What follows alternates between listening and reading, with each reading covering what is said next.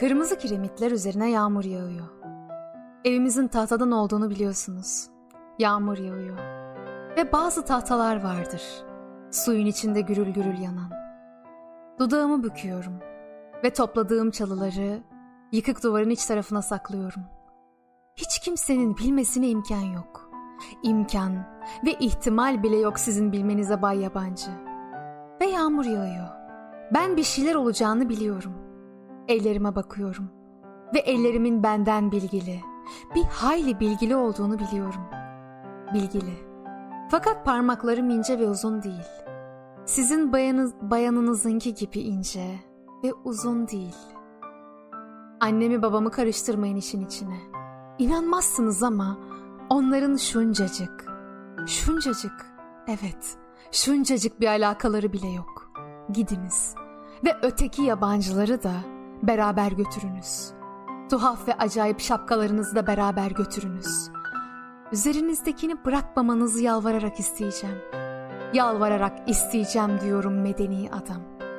Siz bilmezsiniz. Size anlatmak da istemem. Kardeşim gömleğinizi mutlaka giyecektir. Halbuki ben Bay Fransız sizin gömleğinizi hatta Matmazel'in o kırmızı ipekli gömleğini Hani etekleri şöyle kıvrım kıvrımdır ya. Öyle bile giymek istemem. İstemeyeceğim. Evimizin tahtadan olduğunu biliyorsunuz. Kibrit gibi, iç içe sıkışmış tahtadan. Hem şu bildiğiniz usule de lüzum yok. Tepesi, demir askerleriniz babamı alıp götürmeseler, o zaman siz de görürsünüz bay yabancı. Ağaçların tepesine çıkabileceğimizi, ben ve kardeşimin anlayabileceğinizi umarım. Siz uyuduktan sonra odanıza girebileceğimizi. Ben bunu ispat edeceğim. Hani sizin şu yüzü kurabiye bir bayanınız var ya, beyaz ve yumuşak. Hani tepesinde iki kısa, biri uzun üç tay var ya, onu siz başka yerlerden getiriyordunuz. Sayın bayanınızın gözleri çakmak çakmak yanıyordu ya, siz öteki bay yabancı, siz ötekini gizli gizli öpüyordunuz. Elinizle onu belinden tutuyordunuz, sonra öpüyordunuz. Siz bizi görmüyordunuz. Biz ağacın tepesinden seyrediyorduk. Siz onu çok öpüyordunuz. Ötesini söyleyemeyeceğim bay yabancı. Ben, siz belki bilmezsiniz. Annem böyle konuşmak ayıptır derdi. Annem o kadına şeytan diyor. Bizim kediler de ona tuhaf tuhaf bakıyorlar. Siz şeytanı çok seviyorsunuz galiba Bay Yabancı. Siz şeytanı niçin bu kadar çok öpüyorsunuz? Kabul ediyorum. Sizinki bizimkinden daha güzel.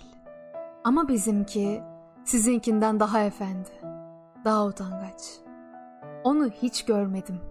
O bize hiç gelmiyor. Hele Yağmur.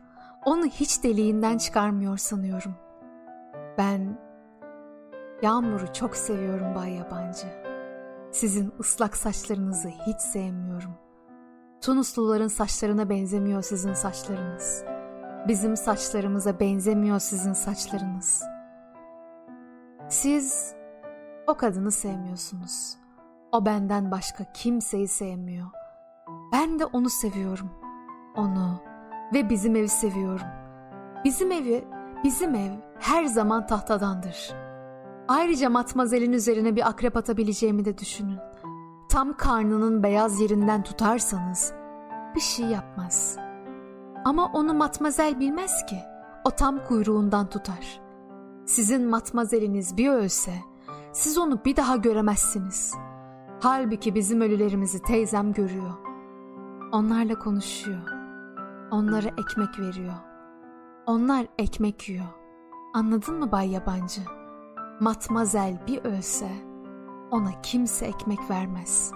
Onun için gidip şapkalarınızla beraber götürün. Melekler bir demir parçasının üzerine oturmuşlar. Her biri bir damla atıyor aşağıya. İşte yağmur bunun için yağıyor. Ben bunun için yağmuru seviyorum. Yağmur bizim için yağıyor. Kalkıp gidin kırmızı kiremitler üzerine. Bizim tahta evin üzerine yağmur yağıyor. İşte yağmur bunun için yağıyor. Ben bunun için yağmuru seviyorum. Yağmur bizim için yağıyor.